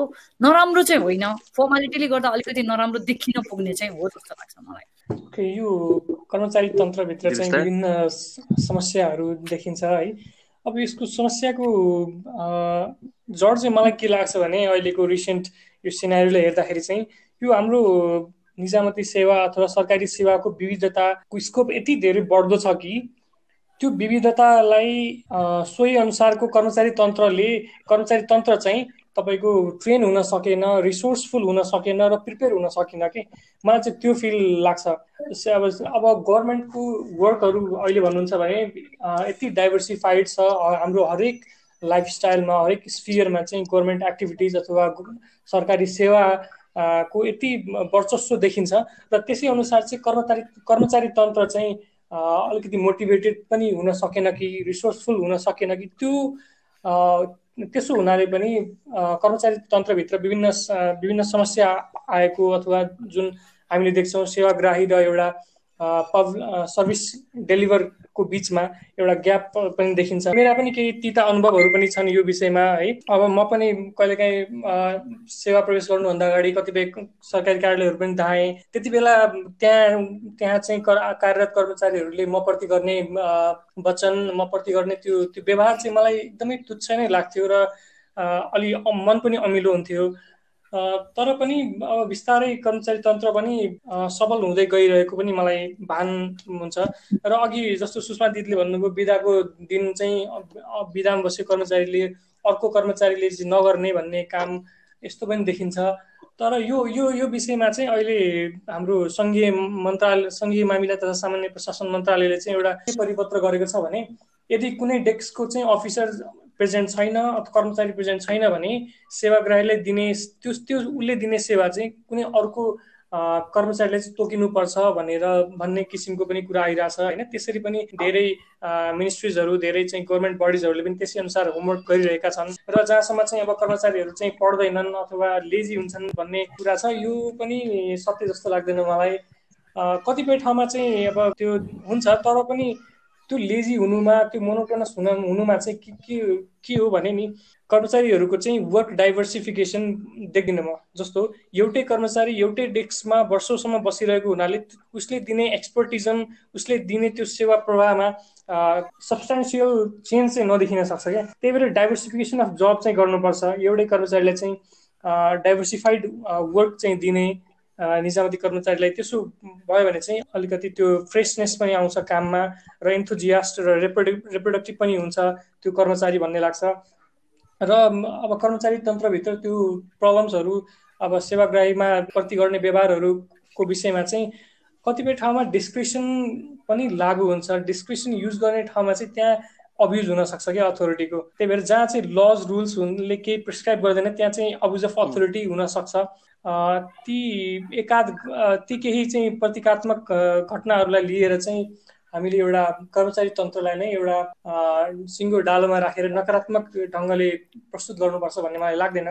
र मलाई के अर्को फिल हुन्छ भने नि एउटा कर्मचारीले चाहिँ देश बिगार्ने अथवा सपार्ने हैसियत पनि राख्दैन। He is not a change maker भन्ने मलाई लाग्छ। म एउटा जुन ठाउँमा छु अथवा तपाईँ जुन ठाउँमा भोलि आउनुहुन्छ तपाईँले एउटा सब्सटेन्सियल ठुलो आमूल चेन्ज चाहिँ ल्याउन सक्नुहुन्न बट तपाईँले गर्ने भनेको के हो भने तपाईँ जुन डेस्कमा बस्नुहुन्छ जुन सेक्सन हेर्नुहुन्छ त्यो सेक्सनको काम चाहिँ निपुण ढङ्गले गर्ने हो कि? त्यहाँ चाहिँ फरक देखाउने हो त्यहाँ चेन्ज देखाउने हो। If you are going to so changes in your of your section त्यसले चाहिँ ठुलो माइना राख्छ भन्ने मलाई लाग्छ। यही क्वेसनमा मैले एक दुईवटा बुदाहरू थपेँ है अन्त्यमा अब यो यो सेवा भन्ने कुरा कस्तो हुन्छ भने जसरी एउटै हातले ताली बज्दैन भन्ने भनेर भनिन्छ नि त्यसरी सेवा दिने र सेवा लिने दुइटैमा निर्भर हुन्छ। सेवा लिने मान्छे पनि के हुन्छ भने उसले पनि नियम कानुनमा चाहिँ नबस्ने र रिक्वायर्ड डकुमेन्ट्सहरू पुरा नगर्ने र उसलाई पनि जसरी पनि तत्कालै सेवा चाहिने प्रक्रियाहरू पुर्याउन नखोज्ने। अघि सुषमाजीले भने जस्तै प्रक्रिया विधि र एउटा नियम त जहाँ पनि हुन्छ हाम्रो सेवाग्राहीहरू अलिकति उच्छृङ्ख मैले सबैलाई भन्न खोजेँ होइन केही सेवाग्राहीहरू अलिकति उच्छृङ्खलहरू जसरी पनि मलाई चाँडो सेवा चाहियो मैले डकुमेन्ट्सहरू पुरा नगरे पनि मलाई सेवा चाहियो भन्ने एउटा आम को धारणा छ भने अर्कोतिर सेवा प्रदायकहरूको चाहिँ नियम एउटा हाम्रो ट्रेडिसनल ब्युरोक्रेसी छ एउटा वेमा चलिरहेको छ र फेरि जुन निजामती सेवाभित्र पनि जर्नलिस्ट र स्पेसलिस्ट भन्ने हुन्छ जस्तै कुनै सेवाको लागि स्पेसलिस्टहरू चाहिन्छ त्यसको लागि नभएको र हामी अलिकति आइटी टेक्नोलोजीहरूमा अलिकति धेरै ब्या ब्याक भएको सेवाका सन्दर्भमा इनोभेसन जुन चाहिने विभिन्न नयाँ आइरहेको छ हामीले त्यही सेवालाई चाहिँ कसरी चाहिँ छोटो समयमा र मान्छेको घर दैलोमै पुर्याउन सक्छौँ त्यसमा चाहिँ हामीले अलिकति इनोभेसनमा पनि हामी पछाडि भएको हौँ कि यसमा के छ भने हामीले सबै ब्युरोक्रेसीहरूलाई चाहिँ कुनै एकजनाले कुनै एउटा सेक्सनले कुनै एउटा डिपार्टमेन्टबाट केही काम अलिक ढिलो भयो काम भएन भन्दैमा सिङ्गो निजामती सेवालाई हामीले एउटा एउटै डालोमा राखेर चाहिँ हेर्नु हुँदैन। त्यो कुरामा म अग्री गर्छु। र यसमा पछिल्लो समयमा धेरै मान्छेहरूले निजामती सेवामा इन्ट्रेस्ट राखेर यङ मान्छेहरू धेरै छिरिराख्नु भएको छ। र यसमा चाहिँ विभिन्न देशमा गएर ट्रेनिङ्सहरू नयाँ इनोभेसन्सका टेक्निक्सहरू पनि बिस्तारै चाहिँ इस्टाब्लिस हुँदैछ।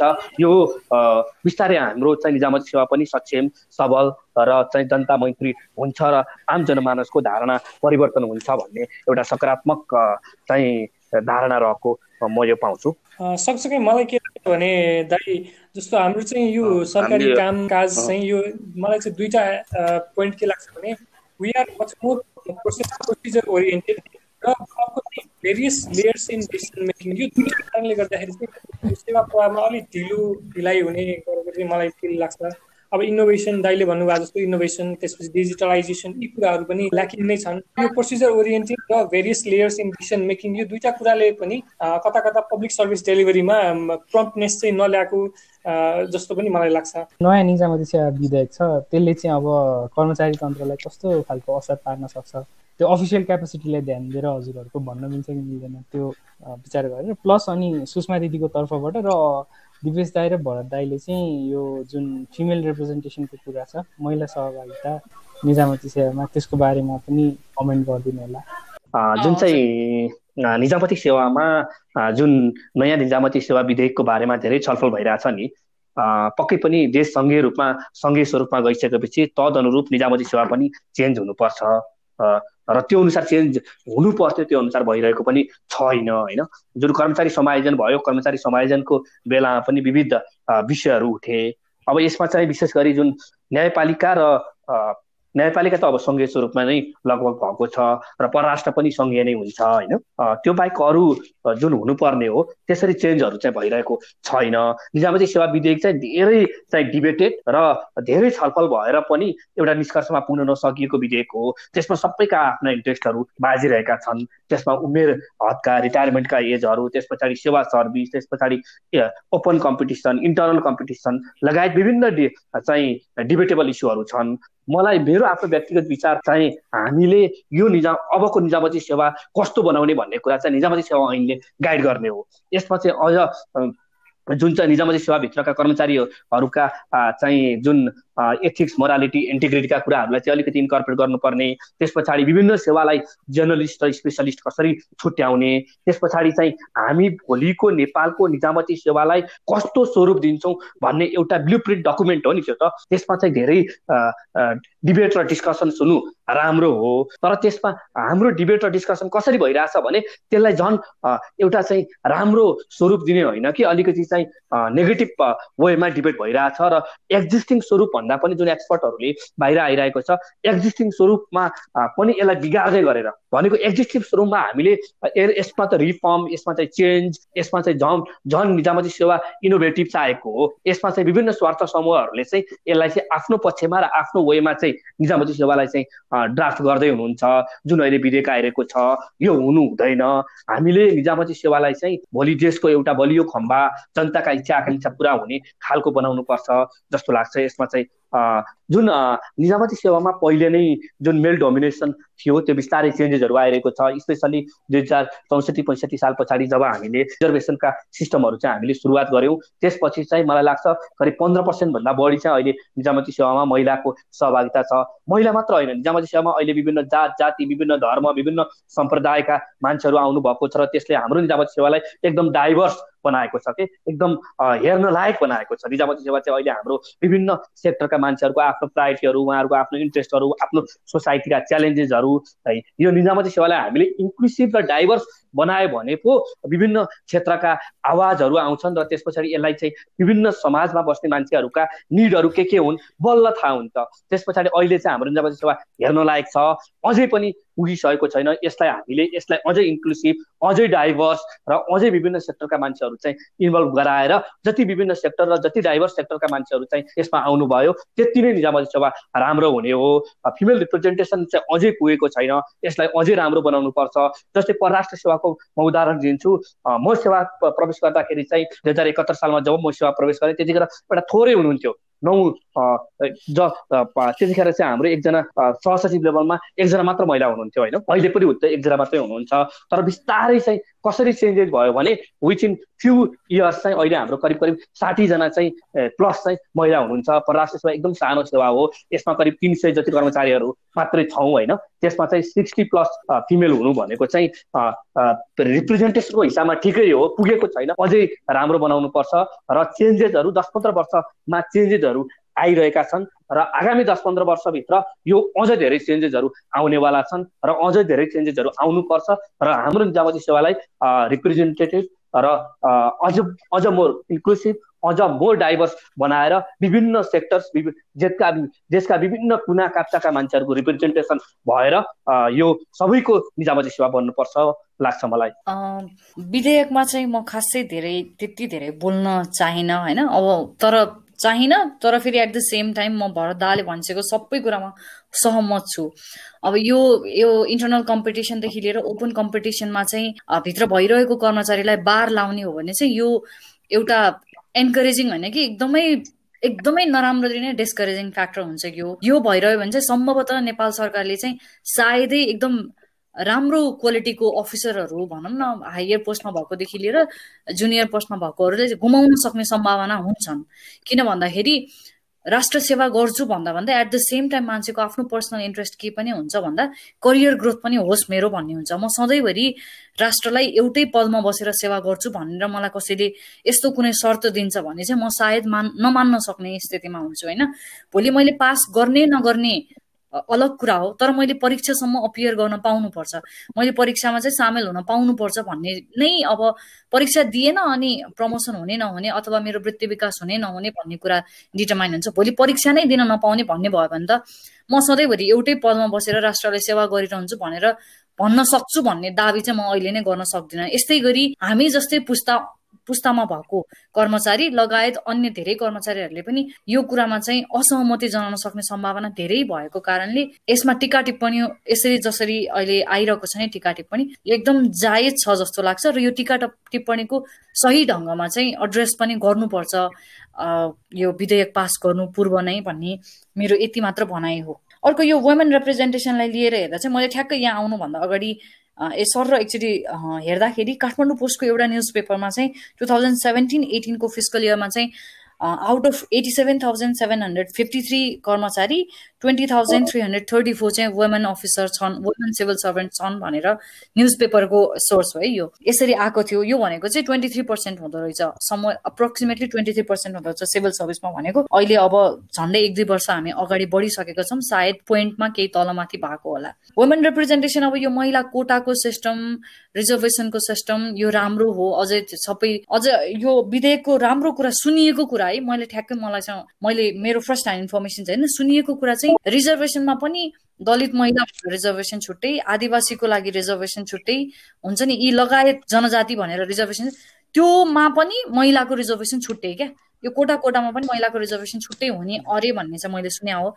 यति गरी यस्तो केही समयको लागि हुन्छ भने सायद अझै अघि भरदाले भनिसकेको जस्तो पूर्वदेखि पश्चिमसम्मको हाम्रो सबैजना आउँछन्। सबैजना आउँदा आउँदै सबैको महिला पनि आउँछन् भनेर आउँछ भने त्यो धेरै राम्रो राम्रो कुरा हो। सराहनीय पनि छ यो स्टेप गभर्मेन्टको अर्को यो वुमेनको रिप्रेजेन्टेसन चाहिँ वुमेनको लागि खास कम्पेरिटिभली च्यालेन्जिङ चाहिँ च्यालेन्जिङ छ। यो प्राइभेटमा पनि च्यालेन्जिङ छ अनि त्यस पछाडि सरकारी सेवामा पनि च्यालेन्जिङ छ। मेरो दुइटै सेवामा चाहिँ तिता तिता अनुभवहरू छन् होइन। अब प्राइभेटमा हुँदा चाहिँ मैले कन्ट्र्याक्ट ड्राफ्ट गर्दाखेरि चाहिँ कुनै एउटा क्लाइन्टले चाहिँ मेरो मेरो सिनियरको नम्बर माग्नुभयो। अनि मेरो सिनियरले के भन्नु भन्दा यो कन्ट्र्याक्ट मैले ड्राफ्ट गरेको होइन तपाईँ उहाँको नम्बर लिनुहोस् भन्नुभयो। उहाँले दुई तिन पटक नम्बर माग्नुभयो। अनि मेरो सिनियरले मैले ड्राफ्ट नै गरेको होइन तपाईँले मसँग नम्बर लिएर केही काम छैन किनभने मैले यो कन्ट्र्याक्ट ड्राफ्ट गरेँ होइन भन्दा उहाँले के भन्नुभयो भन्दाखेरि क्लाइन्टले चाहिँ उहाँ त बिए गरेर गइहाल्नुहुन्छ नि भन्नुभयो के? उहाँलाई के लागेन भन्दा बिए गरेर गए पनि यो मान्छेसँग कम्युनिकेसन गर्न मिल्छ अथवा बिए गरेर गए पनि यो मान्छेको स्किल यहीसँग जान्छ भन्ने चाहिँ त्यो नै छैन कि? त्यो हाम्रो खास सोसाइटीको अपब्रिङ्गिङै यस्तो छ कि होइन? त्यस्तो खाले कमेन्ट गर्नुभयो क्या उहाँले? अनि उहाँले खास एट द एन्ड टेक मेरो नम्बर नलिएर उहाँकै नम्बर लिएर जानुभयो क्या अनि यता सरकारी सेवामा पनि कस्तो छ त भन्दाखेरि हुन त यस्तो सानोतिनो कुरा यो इज्जत दिनुपर्छ लिनुपर्छ भन्ने कुरा होइन। तर मान्छेको कन्सेप्ट कस्तो छ भन्दा केटा र केटी बसेछ भने केटा चाहिँ सर हो केटी चाहिँ बहिनी हो भन्ने छ क्या? अदालतमा मैले धेरै पटक एड्रेस पाएको छु यसरी। मसँगै भएको समकक्षीलाई चाहिँ सर यस्तो गर्नु पर्यो अनि बहिनी यो दिनुहोस् न भन्ने टाइपको हुन्छ नि। त्यो अनि मलाई ठ्याक्क यो हेरिरहँदा अनि अस्ति भर्खर मैले यो गुन्जन सक्सेनाको मुभी हेरेको थिएँ। कतिजनाले हेर्नुभयो थाहा छैन होइन?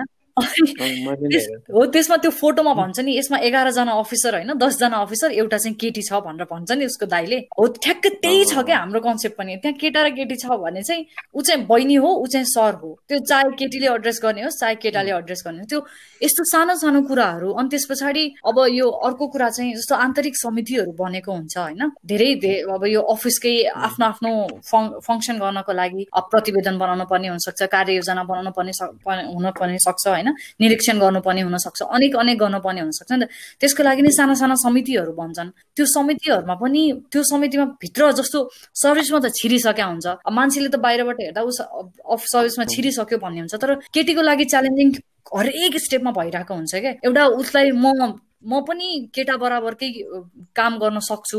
ऊ सर हो भने म म्याम हो भनेर त्यो प्रुभ गराउनलाई नै टाइम लाग्छ। होइन? एउटा त्यो भयो। अर्को कुरा चाहिँ अफिसभित्रै छिरिसकेपछि त्यो जुन त्यो इन्टरनल फङ्सनको लागि समितिहरू बनेको हुन्छ त्यो समितिमा बस्नको लागि म पनि एकदमै एकदम प्रोभेबल क्यान्डिडेट हो है भनेर प्रुभ गर्ने गाह्रो हुन्छ। त्यो समितिमा पनि मेजोरिटी केटाकै हुन्छ क्या अनि केटीको हुन्छ होइन? केटीको हुन्छ केटीको भए पनि के हुँदैन त भन्दाखेरिलाई उसको चाहिँ त्यो ठ्याक्क देखिने गरी तात्विक भिन्नता देखिने गरी उसको भूमिकै खोजिँदैन क्या त्यहाँ। त्यो समितिभित्र पनि सानो सब डिभिजन भइदिन्छ। त्यो सब डिभिजनमा केटी पर्दैन। समितिमा पर्छ तर त्यो सब डिभिजनमा पर्दैन। अनि सानो सानो कुरा के? त्यो जस्तो मिटिङहरूमा बोलाउने नबोलाउनेदेखि लिएर अफिसको कुनै जानकारी दिने नदिनेदेखि लिएर यो हरेक कुरामा चाहिँ लाइक एभ्री स्टेपमा चाहिँ केटीले चाहिँ प्रुभ गर्दै जानुपर्छ। अनि अर्को भनेको चाहिँ केटाले केही काम गर्यो भने केटा कुनै पदमा पुग्यो अथवा केटा कुनै ठाउँमा पुग्यो भने चाहिँ यो मान्छे कस्तो ट्यालेन्टेड भन्ने कमेन्ट आउँछ होइन? केटी कुनै ठाउँमा पुग्यो भने चाहिँ यसको कोसँग चक्कर चलि हुन त यो अब मलाई थाहा छैन यो भन्ने प्लेटफर्म हो कि होइन होइन?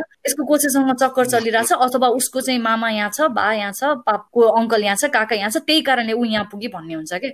उसले चाहिँ त्यो आफ्नो क्वालिटीको कारणले त्यहाँ योग्यता भएर पुगेको होइन कि? ऊ कुन रूपमा योग्य छ त? भन्दा उसले कसैलाई चिनेको रूपमा चाहिँ योग्य छ भन्ने हिसाबले धेरै टेका टिप्पणी सहनु पर्ने हुन्छ क्या सो छिर्नलाई पनि गाह्रो छ एउटा कुरा किन भन्दाखेरि घराइसी रेस्पोन्सिबिलिटीले गर्दा अनेक कुराले गर्दा इक्जाम दिने कुरामा त्यहाँबाट यस्ता यस्ता कुराले छिर्नमै अलिकति कठिनाइ गरिदिन्छ।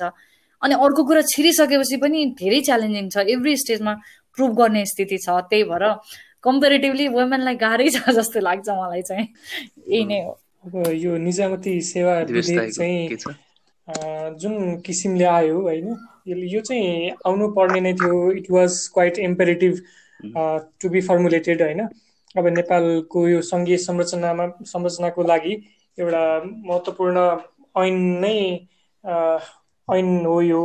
तर पनि यो एक्जिस्टिङ जुन ब्युरोक्रेसी छ त्यसलाई नै त्यसलाई चाहिँ धेरै हदसम्म डिसमेन्टल गर्ने अथवा डिसमेन्टल भन्दा पनि त्यसमा चाहिँ ड्रास्टिक चेन्ज ल्याउने हेतुले यदि ल्याइ ल्याइने हो भने त्यो चाहिँ नहुन सक्छ कि यो विधेयक चाहिँ त्यसरी आयो जस्तो लाग्छ मलाई अब एक्जिस्टिङ ब्युरोक्रेट ब्युरोक्रेसीमा एउटा ड्रास्टिक चेन्ज ल्याउन थाल्यो भने त्यसो भइरहेको जस्तो फिल लाग्छ मलाई फिफ्टी इयर्स अफ रिटायरमेन्ट त्यसले लागू गर्यो त्यसपछि यसले बढुवा सिस्टमलाई चाहिँ प्रोत्साहित गरेको छ यसले नकारात्मक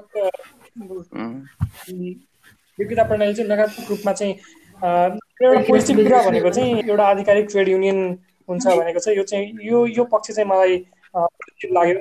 मेरो धारणा के छ भने कर्मचारी तन्त्र लाइक लाइक प्रहरी प्रशासन लाइक सेना जस्तै एउटा चाहिँ यसको एउटा सेन्सिटिभ एउटा डाइमेन्सन हो अथवा एउटा इन्स्टिट्युसन हो भन्ने लाग्छ। त्यही भएर यसलाई चाहिँ यो ऐनले एक्जिस्टिङ सिस्टमभित्र अथवा उनीहरूले जुन पाउँदै आएको सुविधाहरूलाई कटौती गर्नेदेखि लिएर मेरिट सिस्टमलाई चाहिँ प्रहार गर्ने जुन खालको चाहिँ प्रोभिजन्स आयो त्यसले त्यसले गर्दाखेरि चाहिँ यसले चाहिँ वाइडर एक्सेप्टेन्स चाहिँ पाएन विदिन कर्मचारी र यसले चाहिँ के के गर्ने भयो भने तपाईँ हामी जस्तो यङ्स्टर्सहरू जो चाहिँ म निजामती सेवाभित्रै आउँछु म माथिल्लो पदसम्म पुगेर सेवा गर्न चाहन्छु भन्ने हेतुले जो आउन खोज्नुहुन्छ उहाँहरूलाई चाहिँ यो नकारात्मक सन्देश चाहिँ जाने भयो कि? पढुवालाई मात्रै प्रोत्साहित गर्यो भने चाहिँ त्यस्तो त्यस्तो देखिन्छ अहिले। र र कर्मचारीहरूले चाहिँ कामभन्दा बढी पढाइ गरे भन्ने पनि धारणा आयो। यो चाहिँ यो यो भनेको चाहिँ बेतुके धारणा हो जस्तो लाग्छ मलाई। किनभने कर्मचारीहरूले पढ्नुपर्छ चाहे त्यो माथिल्लो पोस्टमा पुग्नलाई होस् अथवा रिसर्च गर्नलाई। पढाइ भनेको चाहिँ द्याट्स भेरी मच इसेन्सियल र यो कर्मचारी पढेर चाहिँ सेवा प्रवाहमा प्रवाहमा बिगारे भन्ने चाहिँ यो जुन धारणाले चाहिँ धेरै कुराहरू आइरहेको छ। यो यो पनि गलत दृष्टिकोणबाट चाहिँ आइरहेको जस्तो लाग्छ मलाई।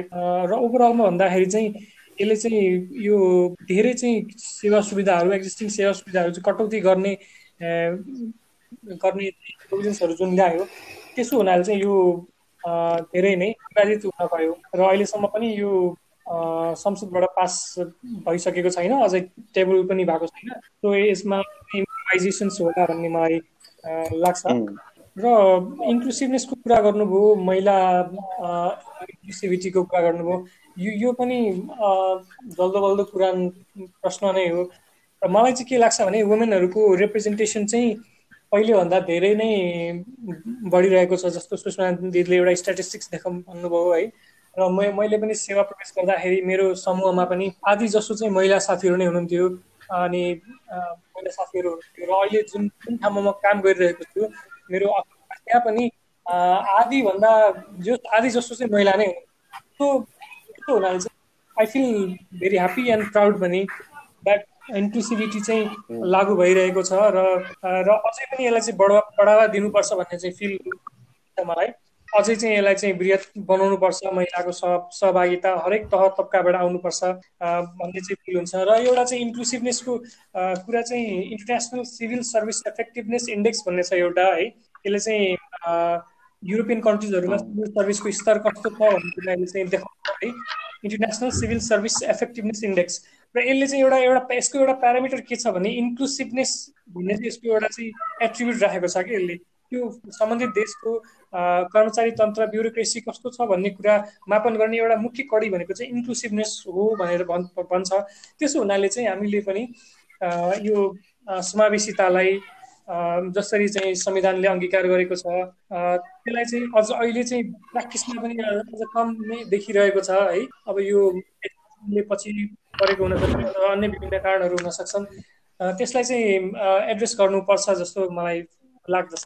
र अन्तिममा चाहिँ अब यो कोभिडको बेलामा चाहिँ अब लोकसेवा र सेवामा चाहिँ नवप्रवेश गर्ने आकाङ्क्षा भएकाहरूलाई चाहिँ अब के हुने कसो हो भन्ने चाहिँ एउटा ठुलो समस्या भन्ने कि अब ठुलो एउटा चिन्ता भइरहेको छ। र यस विषयमा चाहिँ सेवामा प्रवेश गर्न चाहने नवप्रवेशी आकाङ्क्षीहरूलाई चाहिँ तपाईँहरू के कुरा राखेर चाहिँ उहाँहरूलाई चाहिँ सेवाको बारेमा केही कुरा राख्न चाहनुहुन्छ यो परीक्षाको बारेमा र सेवाको समग्रताको बारेमा?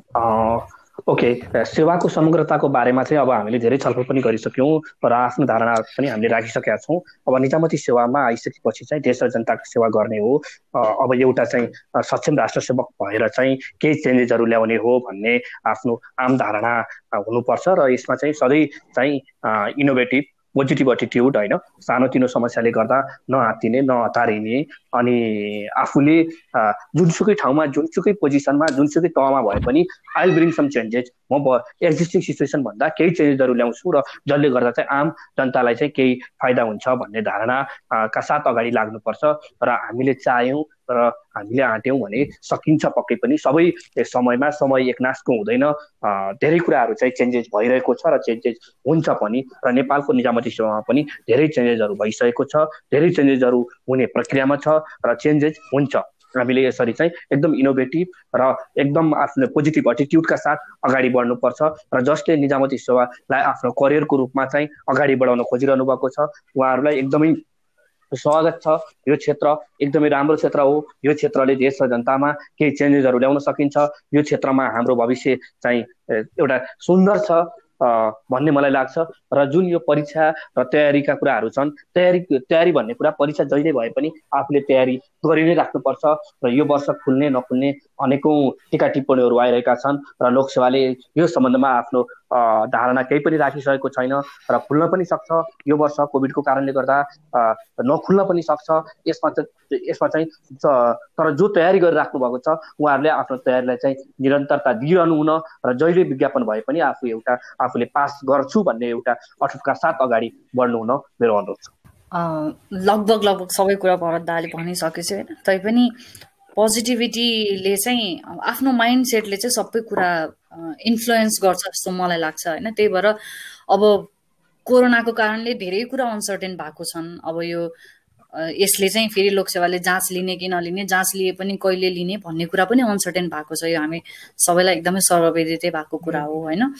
अब यो एकदमै अनसर्टेन छ भन्नेको कारणले नै अब पढ्नै ठ्याक्कै छोड्ने अथवा एकदम पेसिमिस्टिक हुने क्या? अब मान्छे मरेको मरेछन् सङ्क्रमण बढेको बढेछ भ्याक्सिन पत्ता लागेन भनेर हामीले खास त्यो कुरामा चिन्ता गर्नुभन्दा पनि त्यही चिन्ता चाहिँ हामीले अरू कुरामा देखायौँ भने अझ धेरै प्रोडक्टिभिटी बढ्छ जस्तो लाग्छ मलाई।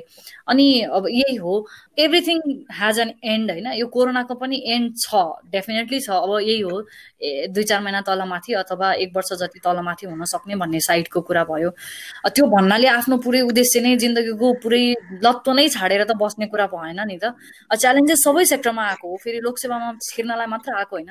प्राइभेटमै हुने मान्छेहरू पनि एकदमै च्यालेन्ज फेस गरिरहनु भएको स्थिति छ अहिले। यो कारणले गर्दाखेरि चाहिँ मेरो भनाइ चाहिँ अब यो टाइममा चाहिँ जति सक्दो धेरै पोजिटिभिटी रहने हो। त्यस पछाडि with challenges it there comes opportunities पनि। कोरोनाले सायद धेरै अपर्च्युनिटी लिएर आउन सक्छ लिएर राखेको पनि छ। हामी यसरी गफ गर्न पाउँछ मेरो त भरत दासँग यसरी कुरा भएको फर्स्ट टाइम हो होइन? राम्रो अपर्च्युनिटी हो मेरो लागि। त्यही भएर यस्तै सानो सानो अपर्च्युनिटीहरू धेरै निस्किन पनि सक्छन्। अनि त्यही हो रिफर्मेसन आफूमा नै रिफर्मेसन आउन सक्छ। धेरै पोजिटिभिटी लिएर आउने। इक्जामको मामिलामा त्यही हो विद्यार्थी भन्ने भइसके पछाडि चाहिँ एउटा अध्यताले चाहिँ खालि जाँच आउँदा मात्र पढ्दैन अरे होइन जहिले पनि पढिरहन्छ। त्यही भएर सिलेबसकै सब्जेक्ट इस्यु मात्र पढ्नु भनेको पढ्नु होइन नि त बाहिरी समाज पढ्दाखेरि पनि कुनै न कुनै ढङ्गले हामीले सिलेबससँग रिलेट गर्न सक्छौँ। अर्थ त्यस्तै हो विज्ञान त्यही हो प्रविधि त्यही हो होइन। त्यही भएर यो सबै कुरामा चाहिँ आफूले अध्ययनरत रहँ अध्ययनरत रहँ भन्नुको मतलब चाहिँ त्यही सिलेबसको मानिलिउँ वाट इज ल नै टाइम एन्ड अगेन पढिरहँ भन्ने चाहिँ मेरो भनाइ होइन। अन्य धेरै कुरा पनि पढिरहँ पोजिटिभिटी राखौँ धेरै राम्रो चेन्जेस लिएर आउनेवाला छ यो कोभिड नाइन्टिनले सोसल पब्लिक सेक्टरदेखि लिएर प्राइभेट सेक्टरलाई अनि पब्लिक सेक्टरमा आउनेहरूको लागि चाहिँ झन् कस्तो भन्दाखेरि अलि अगाडि भयो अघि भरदाले भने जस्तो अलि अगाडिको सिचुएसन अर्कै थियो। हामी छिर्ने टाइम नै यति राम्रो एकदम ब्लेसफुल टाइम छ जस्तो लाग्छ मलाई। हामी नै ब्लेसफुल भन्ने भइसकेपछि यो कोभिड नाइन्टिन पछाडि आउने झन् झन् धेरै ब्लेसफुल हुन हुन सक्ने एकदम धेरै सम्भावना छ होइन? त्यही कारणले गर्दाखेरि चाहिँ धेरै पोजिटिभिटी राखौँ आनन्दले पढौँ सबै कुरा पढौँ आफ्नो हबिज पनि यही बेलामा पुरा गरौँ। म चाहिँ लोकसेवा प्रिपेयर गर्दाखेरि ट्युसन क्लासेसहरू पढ्थेँ। बागबजारमा र एक दिन चाहिँ मेरो एउटा साथीले के सोधिन् भन्दाखेरि तिमी लोकसेवा नै दिने हो भनेर सोधिन्। अनि मैले के जवाफ दिएँ उसलाई भने राइट नाउ म यही प्रिपेयर गर्दैछु so why not I be committed to it भनेर भने। सो म चाहिँ त्यति बेला पढ्दै गर्दाखेरि कमिटेड कमिटेड भएर नै पढाएको थिएँ लोकसेवामा है। सो तपाईँ जे गर्दै हुनुहुन्छ अथवा जे प्रिपेयर गर्दै हुनुहुन्छ चाहे लोकसेवा चाहे अन्य कुनै सर्भिस अथवा जे वाइ कमिटेड भन्ने चाहिँ फिलिङ चाहिँ पढ्नुभयो भने निश्चय पनि प्रिपरेसन राम्रो हुन्छ र you can enter into civil service so अर्को कुरा चाहिँ अनि डेडिकेटेड पनि हुनु पर्यो र सिलेबसको पूर्ण अध्ययन चाहियो है। त्यस सँगसँगै सिलेबससँग सम्बन्धित असम्बन्धित धेरै कुराहरू पनि पढ्नु बुझ्नु पर्यो। र आफूलाई चाहिँ आफ्नो माइन्डलाई फ्रेस बनाइरहने मेडिटेट गर्ने ध्यान गर्ने यावत कुराहरू पनि गरेर र केही कुराले चाहिँ डिस्ट्र्याक्ट नहुने गरी चाहिँ जस्तो लाग्छ मलाई। र मेरो अनुभवमा चाहिँ अहिलेसम्मको एक वर्षभन्दा बढी भयो यो निजामती सेवा प्रवेश गरेको र सो फार सो गुड भन्ने चाहिँ म कन्क्लुड गर्छु मेरो यो अनुभवलाई। सो यदि तपाईँ पनि आउँदै हुनुहुन्छ अद्वैतजी अथवा अरू कोही साथीहरू भने म तपाईँहरूलाई चाहिँ हटली वेलकम गर्छु र आगामी दिनहरूमा पनि समन् समन्वयको समन्वय गर्ने छु भन्ने चाहिँ एउटा विश्वास व्यक्त गर्न चाहन्छु। म हजुरहरू सबैजनालाई हाम्रो इन्भिटेसन स्वीकारेर आउनुभएकोमा एकदम धेरै थ्याङ्क यू भन्न चाहन्छु। सो हजुरहरूलाई फेरि पनि धेरै धेरै धेरै thank you thank you so much learn lot अनि wish you all the best thank you thank you so much यो अपर्च्युनिटीको लागि okay thank you so much for invitation है खुसी लाग्यो आफ्ना केही भनाइहरू सेयर गर्नलाई त्यही त thank you okay thank you thank you seniors thank you हस् हस् हस् बाई